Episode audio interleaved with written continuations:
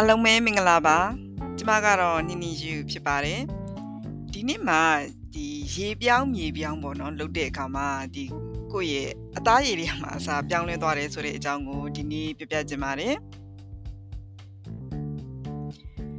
အဲကျမကတော့လေဒီမိနစ်တုန်းက2000မှာ22ခုနှစ်လပိုင်းမှာဂျပန်နိုင်ငံကိုပြန်လာပြီးတော့ပေါ့နော်ဂျပန်မှာအခုလက်ရှိ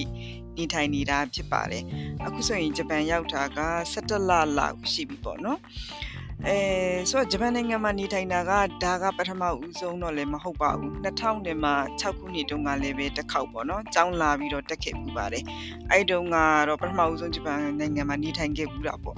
အဲ့တုန်းကတော့9လလောက်နေခဲ့အဲ sorry 9လမဟုတ်ပါဘူး9နှစ်ပေါ့နော်9နှစ်နေခဲ့တယ်ပြီးတဲ့နောက်မှာကျွန်မမြန်မာနိုင်ငံပြန်နေမြန်မာနိုင်ငံမှာကကြာတော့9နှစ်လောက်နေတယ်အခုဂျပန်ကိုပြန်လာတယ်ဆိုတဲ့အတိတ်ပဲပေါ့နော်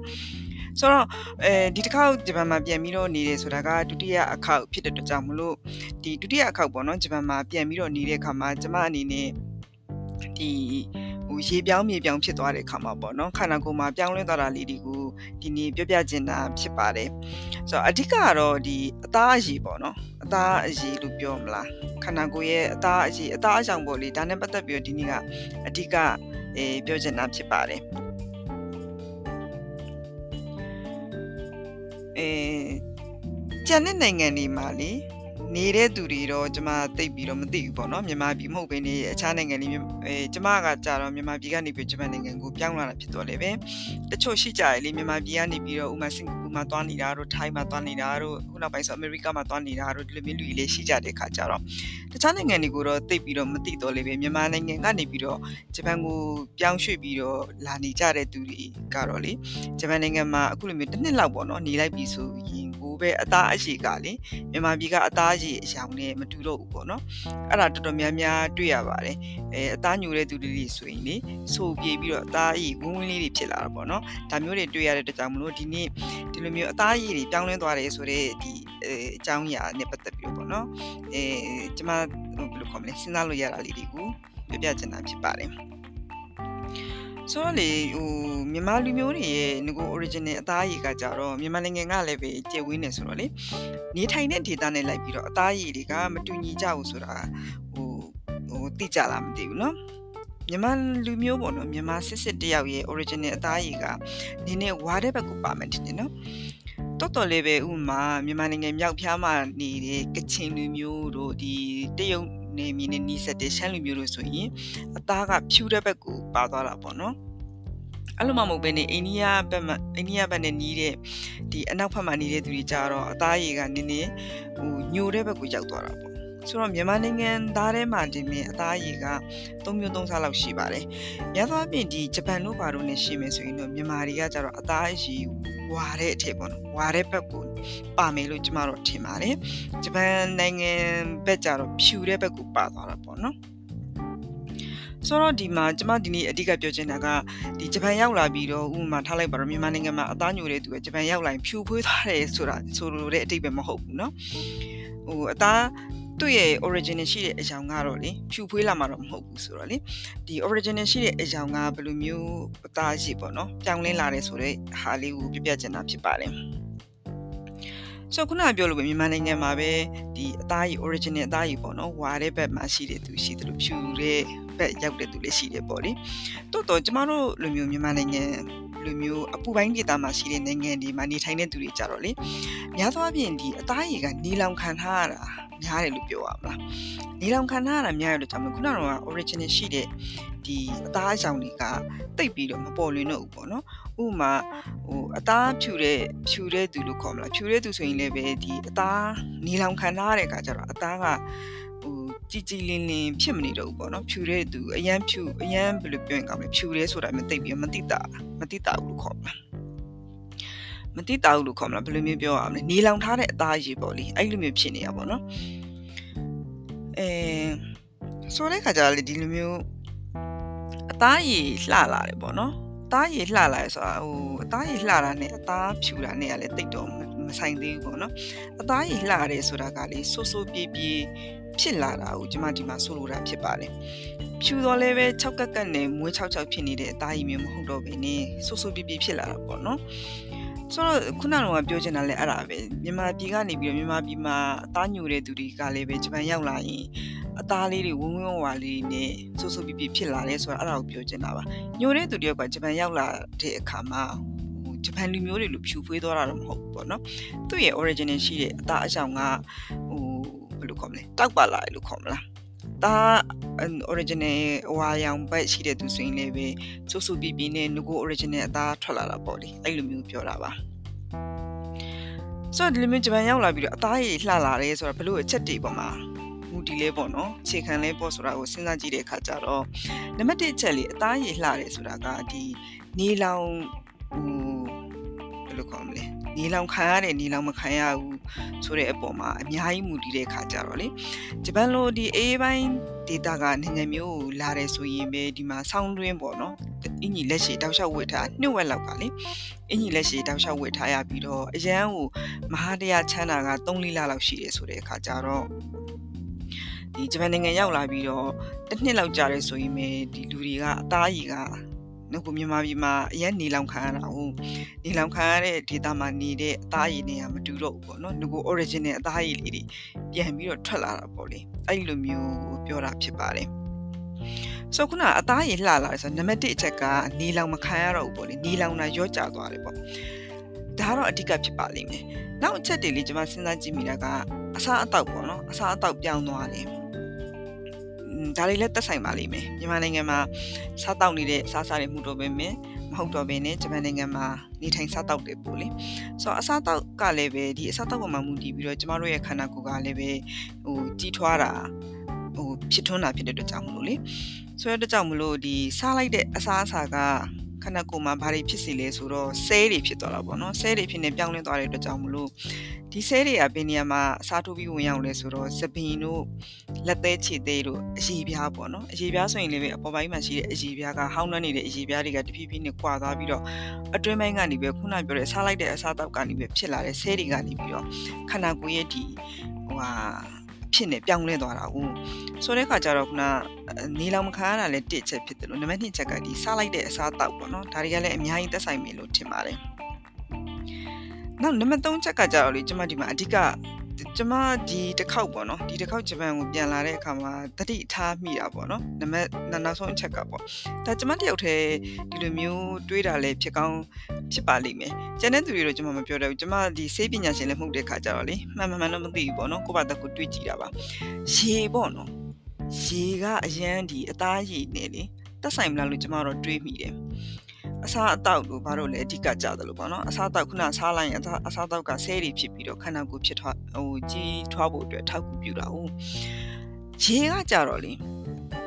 အဲဂျပန်နိုင်ငံမှာအခု သုံးဆွဲတွေရှိပေါ့နော်သုံးဆွဲတဲ့ရေဆိုတာကဒီဘယ်ကလာလဲဆိုတော့မြေအောက်ကနေပြီးတော့တူးယူရရှိတဲ့ရေရှိတယ်လို့ဒီ dam နေပေါ့ dam ဆိုတာဟိုဒီဆယ်မြောင်းတွေပေါ့နော်ဒီဟိုချောင်းတွေမိုးရင်းမှာဆူထားတဲ့ရေကိုပြန်ပြီးတော့ဟိုဟာမိုးရင်းမှာဆူထားတဲ့ရေကို dam လို့ပါတော့ဆယ်တို့ပါတော့ဒီမှာဆူထားတဲ့ရေကိုဟိုဖြန့်ဝေတာတော့၎င်းပေါ့နော်ရေအရင်းမြစ်ကတော့ကျမတို့နိုင်ငံနဲ့ဟို ရေအရင်းမြစ်ရပုံကြီးကတော့အတူတူပါပဲဂျပန်နိုင်ငံနဲ့လေတိုးတော့ဂျပန်နိုင်ငံကဘာကွာသွားလဲဆိုရင်ဂျပန်နိုင်ငံကရေကဘလောက်အထီတောင်မှတန့်စင်ပြီးသားဖြစ်လဲဆိုရင်ရေပုံမှန်ကောင်းကိုဖွင့်လိုက်တာနဲ့ပေါ့နော်အဲ့ဒီကထွက်လာတဲ့ရေကိုချက်ချင်းတောက်လို့ရတဲ့အဆင့်လောက်အထိသူကဒီထဲမှာပါဝင်တဲ့ဟိုပစ္စည်းတွေမလိုလားအတဲ့ပစ္စည်းတွေပေါ့နော်ဒါတွေကိုအကုန်လုံးတန့်စင်ထားပြီးဒါဖြစ်တန့်စင်ထားတဲ့ရှိဖြစ်တယ်ပေါ့လေ ပြောရမယ်ဆိုရင်တော့နားလည်လွယ်အောင်ပြောရမယ်ဆိုရင်တော့ဂျပန်နိုင်ငံမှာရေပုံမှန်ကောင်းကထွက်လာတဲ့ရှိကကျမတို့မြန်မာနိုင်ငံမှာရေတက်မှုနဲ့ဝယ်တောက်နေတဲ့ရှိနေအဆင့်တန်းချင်းကအဆင့်တန်းချင်းလို့ခေါ်မလား quality ကအတူတူပဲဖြစ်တယ်ပေါ့နော်ဆိုတော့ကြောင့်မလို့လေဂျပန်နိုင်ငံမှာဒီရေပေါ့နော်ရေရဲ့ဒီရေသုံးဆွဲတဲ့ဘေလို့ခေါ်မလား မြန်မာနိုင်ငံမှာဆိုရင်တော့မီတာတို့ဘာလို့လောက်ပဲပြီးရှိတာ哦ရေကကြတော့ဒီကျိုးပြူရေတွေဘာတွေသုံးရင်တော့ရေရဲ့မီတာပေါ့နော်ရေမီတာလို့ခေါ်မှာပေါ့နော်ရေမီတာလာလေးရှိတော့လေဂျပန်မှာကကြတော့ဒီကိုယ့်အကူရေထွင်းတူးတာတို့ဘာလို့လဲဒီမှာလုတ်ခွင့်မရှိပါဘူးလုတ်ခွင့်မရှိတဲ့အတွက်ကြောင့်မလို့ခုနပြောတဲ့ ဒီအစိုးရကပေါ့နော်ဖြန့်ဖြန့်ပြီးတဲ့ဖြန့်ပြီးရလို့ခေါ်မလားအစိုးရအစီအစဉ်ပေးထားတဲ့ဒီရှိတွေပေါ့နော်အဲ့ဒါကိုယ့်ရဲ့ဟိုအိမ်မှာရေပုံမှန်ကောင်းလှည့်လိုက်တာနဲ့ခုနပြောတဲ့တန့်စင်မိသားရှိကိုအသုံးပြုနိုင်တယ်ပေါ့ဒီတော့ကြောင့်မလို့လည်းပဲဟိုဈေးလည်းကြီးပါတယ်တလားတလားဆိုရင်ဥမာမိသားစုပေါ့နော်မိသားစု3-4ယောက်လောက်နဲ့နေမယ်ဆိုရင်တလားတလားရဲ့ရှိဘေးမိတာဘေးပေါ့နော်မိတာဘေးကကျမထင်တာတော့ငါဟိုလောက်ကြမယ်ထင်တယ်4000 3000 4000 4000ကနေပြီးတော့ နည်းနည်းပို့ပြီးတော့သုံးရင်ရန်9000လောက်ပေါ့နော် တလတလရှည်ရဲ့မီတာဘီကအလောက်ဆောင်ရပါတယ်ဆိုတော့ဂျပန်မှာဒီတစ်ခေါက်ကျွန်မပြန်လာတဲ့ဒီတစ်ခေါက်လို့ခေါ်မလားအရင်တစ်ခေါက်တော့လည်းတတိတော့ထားမိပါတယ်မီတာဘီရေဘီပေါ့နော်ရေရဲ့မီတာဘီကနှစ်မျိုးရှိပါတယ်ခုနကတော့ပြောလို့ပဲဘုံမိုင်းကိုလှည့်ပြီးတော့ကျမတို့သုံးနေတဲ့ရေတန့်ပေါ့လေရေတန့်ရဲ့မီတာဘီတစ်ခုရှိသလိုကျမတို့တွေရေချိုးလိုက်တဲ့အင်နာသုံးလိုက်တဲ့ရှီတို့အဝိရှော်လိုက်တဲ့ရှီတို့ပြန်ထွက်သွားတဲ့ညစ်ပတ်တဲ့ရှီတွေပေါ့နော်ဒီညစ်ပတ်တဲ့ရှီတွေကိုလည်းပဲ ကျမတို့ကရေပမာဏဘယ်လောက်သုံးလဲဆိုတဲ့အပေါ်မှာမီတာတက်ထားပါတယ်ဆိုတော့ပြောရမယ်ဆိုရင်ရေမီတာကနှစ်ထပ်လာတယ်ပေါ့နော်နံပါတ်1ကရေတန့်ရေမီတာရယ်နံပါတ်2ကကြတော့ရေဆိုးပေါ့နော်ရေဆိုးရေမီတာရယ်ဆိုပြီးတော့နှစ်ထပ်လာပါတယ်ဒီအတွက်ကြောင့်မလို့ဂျပန်မှာဒီရေဟိုရေရဲ့ဒီမီတာကလို့ခေါ်မလားဒါတွေမဲ့ဟိုဈေးဟို ဘယ်လိုခေါ်မလဲမြန်မာနိုင်ငံနဲ့ရှင်မယ်ဆိုရင်တော့စီးကြီးတယ်လို့ပြောရမှာပေါ့နော်အဲ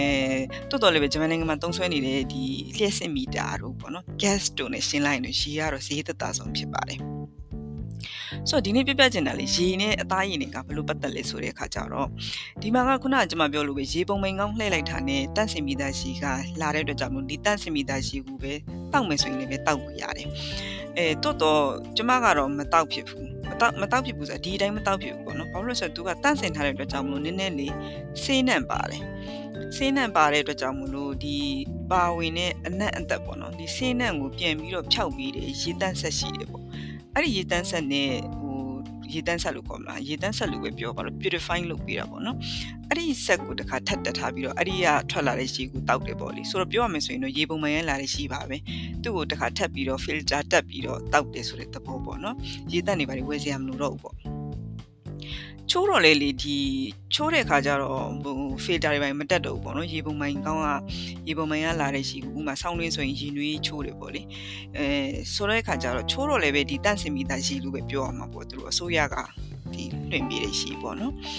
ဒီရေကိုချိုးတဲ့အခါကျတော့တခုကျမစဉ်းစားမိတာလေမြန်မာနိုင်ငံမှာတော့လည်းကျမတို့နေစဉ်ခါတော့များသောအားဖြင့်ဂျိုးပြူရေသုံးရင်သုံးရင်အဲဒါမှမဟုတ်အဝီစီရေပေါ့နော်သုံးရင်သုံးမယ်ဒီလိုမျိုးသုံးဆွဲကြတဲ့အခါကျတော့လေဂျိုးပြူရေဆိုတာလည်းပဲလေအဲ့လောက်ကြီးတန့်စင်ထားတဲ့ရေမဟုတ်ဘူးအဲကန်ကြီးထဲမှာအနေထိုင်အောင်လုပ်ပြီးတော့အပေါ်ကရေကြီးလေးကိုဖြန့်ပြီးတော့တော့လောက်အောင်ပေါ့နော် အဲတန့်စင်နေဆိုတော့ဒီလောက်လေပဲလောက်ပဲရှိပါတယ်အဝီစီးရေဆိုရင်ပိုတောင်းဆိုသေးတယ်အဝီစီးရေဆိုရင်မြေမြေကြီးတွေကထွက်လာတဲ့ရှီကိုဒီထိန်သုံးကြတာပေါ့နော်ဆိုတော့ဟိုရေရရေရတော့ရေပဲပေါ့နော်တိုးတိုးတော့ကျမတို့ကမျက်လုံးနဲ့မမြင်နိုင်တာဒီထဲမှာဘာတွေပါလဲဆိုတဲ့အခါကျတော့ဓာတ်တွေအများကြီးပါတယ်ဥပမာအဝီစီးရေဆိုရင်ပိုဆိုးပါတယ်မြေကြီးတွေကထွက်ထွက်လာတဲ့ထွက်လာကစားရေမှာလေသူ့မှာ mineral တွေအများကြီးပါတယ်ဘလို့ mineral လဲဆိုတော့ဟို ရန်ကုန်လိုနေရာမျိုးတော့မသိဘူးအညာတို့ဘာလို့ဆိုရင်ထုံးတက်တို့တန်တက်တို့ရန်ကုန်တို့ဘာလို့မှလည်းပါမှာပါရေဦးလေတက်ခွဲပြီးစစ်ကြည့်လိုက်ရင်အဲ့ဒီဓာတ်တွေထွက်လာပါလိမ့်မယ်ဆိုပြောချင်တာကဒီလိုမျိုးတန့်စင်ထားခြင်းမရှိဘဲနဲ့ခုနပြောထုံးတက်တို့ရေဓာတ်တို့ပါတဲ့အဲတန်တက်တို့ပါတဲ့ရှိပေါ့နော်အဲ့ရေတွေကိုဒီတိုင်းချိုးနေကြတာပေါ့နော်ဟိုသမင်းချက်တာဟင်းချက်တာကိုအသာထားလိုက်အောင်ခန္ဓာကိုယ်မှာဒီမျက်နှာတက်တာတို့ဟိုရေချိုးတာတို့ပေါ့နော်ဟို ဒီရေကိုတော့မတောက်ဘူးလို့တော့ထင်ကြပါတယ်အားလုံးရန်ကုန်နေလူတန်းစားကကြတော့ရေတန့်ဘူးဝေးပြီးတောက်ကြတာ哦တိုးတော့ဒီရေနဲ့ထမင်းချက်တယ်ဟင်းချက်တယ်လောက်ကြတယ်မလားဆိုတော့ဒီဓာတ်တွေဒီဓာတ်ဆိုတာကလေဟိုရေနွေးကြိုရေနွေးလိုမျိုးကြိုးလိုက်လို့ပေါ့နော်ပွက်ပွက်ပွက်ပွက်ကြိုးလိုက်လို့ဓာတ်ကပျောက်သွားတယ်ဆိုတာကမရှိဘူးပွက်ပွက်ဆူအောင်ကြိုးလိုက်ရင်ဘာပျောက်သွားလဲဆိုရင်ဘက်တီးရီးယားပဲသေသွားတယ်ဒီထဲမှာပါဝင်တဲ့ဓာတ်သတ္ထုတွေကကြတော့မပြောင်းလဲသွားဘူးဆိုပြောချင်တာကကြံနေတယ်ပေါ့နော်ခ န္ဓာကိုယ်ကခန္ဓာကိုယ်မှာကခုနပြောလေစားတဲ့အစာအစာအပါဝင်ခန္ဓာကိုယ်မှာအများဆုံးလေပတ်နေတာကရေဓာတ်ကအများဆုံးလေပတ်နေတာဖြစ်တယ်ဆိုတော့ကိုယ့်ရဲ့ခန္ဓာကိုယ်ထဲမှာနှိမ့်တဲ့လူကတောက်တဲ့အဲဟိုစားတဲ့တောက်တဲ့အခါမှာတုံဆွဲထားတဲ့ရေပေါ့နော်ဒီရေတွေကမတန့်ရင်ခန္ဓာကိုယ်မှာတနေရာမှာသွားပြီးတော့လေဒါဟို ဆိုချိုဖြစ်ဖြစ်ရင်လည်းဖြစ်မှာပေါ့နော်တိုးတော့ကျမဒီခန္ဓာကိုယ်ထဲဝင်သွားတဲ့ရေနဲ့ပတ်သက်ပြီးတော့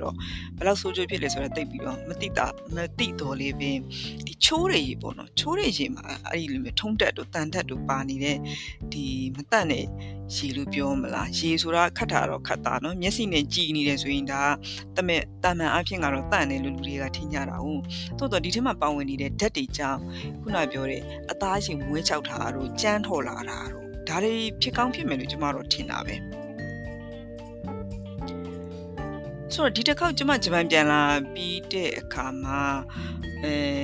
တလနှစ်လသုံးလလောက်ပါမသိနော်သုံးလလောက်ကြာတာကြာယုံပဲရှိသေးတယ်အသားရည်ကလေမြန်မာပြည်မှာနေတော့ကနေလောင်ခန္ဓာလည်းပါနေလောင်ခန္ဓာကြီးလည်းပါတာပေါ့နော်နောက်ပြီးတော့အဲရေကြောင်လည်းပါမယ်ထင်တယ်ဘယ်လိုပြောရင်ကောင်းမလဲအသားရည်ကနည်းနည်းညစ်ခဲ့တယ်ပေါ့နော် ကျမဆိုရင်အရင်အသားညိုးတဲ့ထဲတော့မပါပါဘူးညိုးတဲ့ထဲမပါတော့လေပဲဟိုဖြူတာကဟိုမဆိုးပဲနေဟိုညညကြီးဖြစ်တာပေါ့နော်သဘောပေါက်လားမသိဘူးမြန်မာပြည်မှာနေတော့အဲ့ဒါတိတ်တတိမထားမိဘူးဂျပန်ရောက်လာတဲ့ခါကျ3လလောက်ကြာတဲ့ခါမှာတောင်းနေတဲ့ skin care တွေပါလေပဲကျမမပြောင်းမြန်မာပြည်မှာ3လက်စဟာပဲပြန်ယူလာပြီးတော့ဒီမှာလည်းပဲ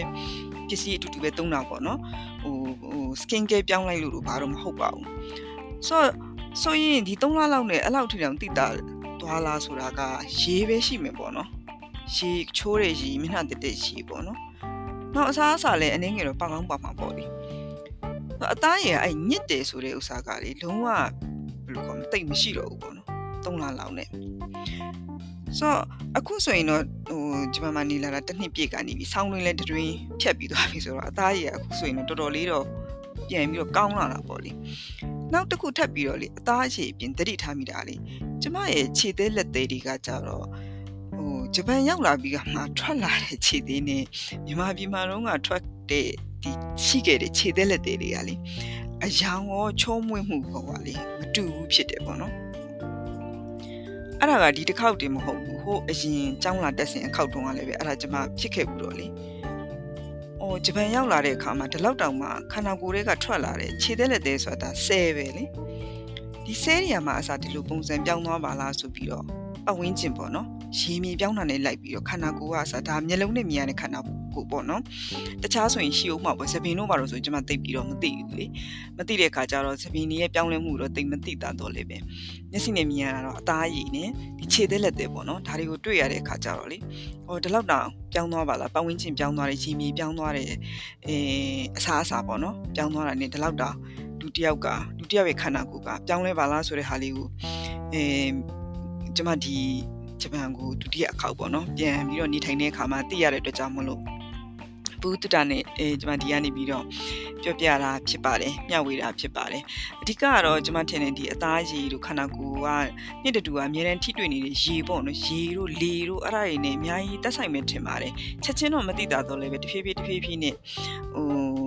ဒါတွေကခန္ဓာကိုယ်မှာလာပြီးတော့ affect ဖြစ်နေတာမျိုးဖြစ်ကောင်းဖြစ်ပါလိမ့်မယ်เนาะဆိုတော့ဒီနေ့ပြောတဲ့အကြောင်းအရာကဟိုလိုမျိုးစေပညာတွေဘာတွေနဲ့တိတိကျကျလေ့လာထားလားဆိုတော့အဲ့လိုတော့လည်းမဟုတ်ပါဘူးကျမရဲ့ဒီမှာ ဂျပန်မှာပြန်လာပြီးတော့တစ်နှစ်မပြည့်ခင်ဆက်ကြမှာပေါ့နော်ကြုံတွေ့ရတဲ့ကိစ္စလေးကိုပြပြတာဖြစ်ပါတယ်အဲ့လိုမျိုးပဲမြန်မာပြည်ကနေပြီးတော့တခြားနိုင်ငံမှာသွားပြီးတော့နေတဲ့သူတွေမှလည်းပဲဒီလိုမျိုးအကြောင်းအရာတွေရှိကောင်းရှိကြမှာပါတကယ်လို့အဲ့လိုမျိုးရှိခဲ့တယ်ဆိုရင်လည်းပဲကျမကိုအဲ share sharing လုပ်ပေးပါနော်တကယ်လို့ရှိခဲ့တယ်ဆိုရင်အဲအောက်က comment မှာဖြစ်ဖြစ်ရေးခဲ့ပြီးလို့ရပါတယ် ဆိုတော့ဒီနေ့စီစဉ်ကိုဆုံးတဲ့အထိနောက်ထောင်ပြည့်တဲ့အတွက်ကြောင့်မို့လဲကျေးဇူးအများကြီးတင်ပါတယ်အခုဒီအတန်ဖိုင်နဲ့လေကျွန်မလွှင့်တဲ့အစီအစဉ်ကလေပြောမှဆိုရင်ကျွန်မနေ့တိုင်းနှီးပါပေါ့နော်တိတ်ပြီးတော့ဟိုအချိန်ယူစရာမလိုပဲနဲ့လွတ်ပြတဲ့အတွက်ကြောင့်မလို့နေ့တိုင်းနှီးပါလို့လို့အတန်ကသွင်းဖြစ်ပါတယ် recording ယူဖြစ်ပါတယ်ဟိုကျမ level လေးကိုယ့်ဘာသာကိုယ်တော့အံ့ဩမိတယ်ဒီလောက်တောင်မှပြောစရာစကားတွေကအများကြီးရှိနေပါလားဆိုပြီးတော့အံ့ဩမိတယ်အံ့ဩမိတယ်ပေါ့နော်ဒီကနေပြီးတော့အခုလိုမျိုးဟို ဘယ်လိုခေါ်မလဲအရင်ခက်ခဲတဲ့အကြောင်းအရာမဟုတ်ဘဲနဲ့ပေါ့နော်စိတ်စိတ်တက်တောင့်တက်တာနဲ့နှထောင်လို့ရမယ့်အကြောင်းအရာလေးတွေကိုအဲအားလုံးကိုပေါ့နော်ဒီမျိုးအတန်ဖိုင်လို့ပုံအတန်ဖိုင်နဲ့ပေါ့နော် sharing လုပ်နိုင်လုပ်ပေးလုပ်ပေးလို့ရတယ်ဆိုတော့ဒီအချိန်တွေကိုလည်းပဲသဘောကျတယ်ပေါ့လေလာပြီးတော့နောက်ထောင်ပြတဲ့သူတွေကိုလည်းပဲကျေးဇူးအများကြီးတင်ပါတယ်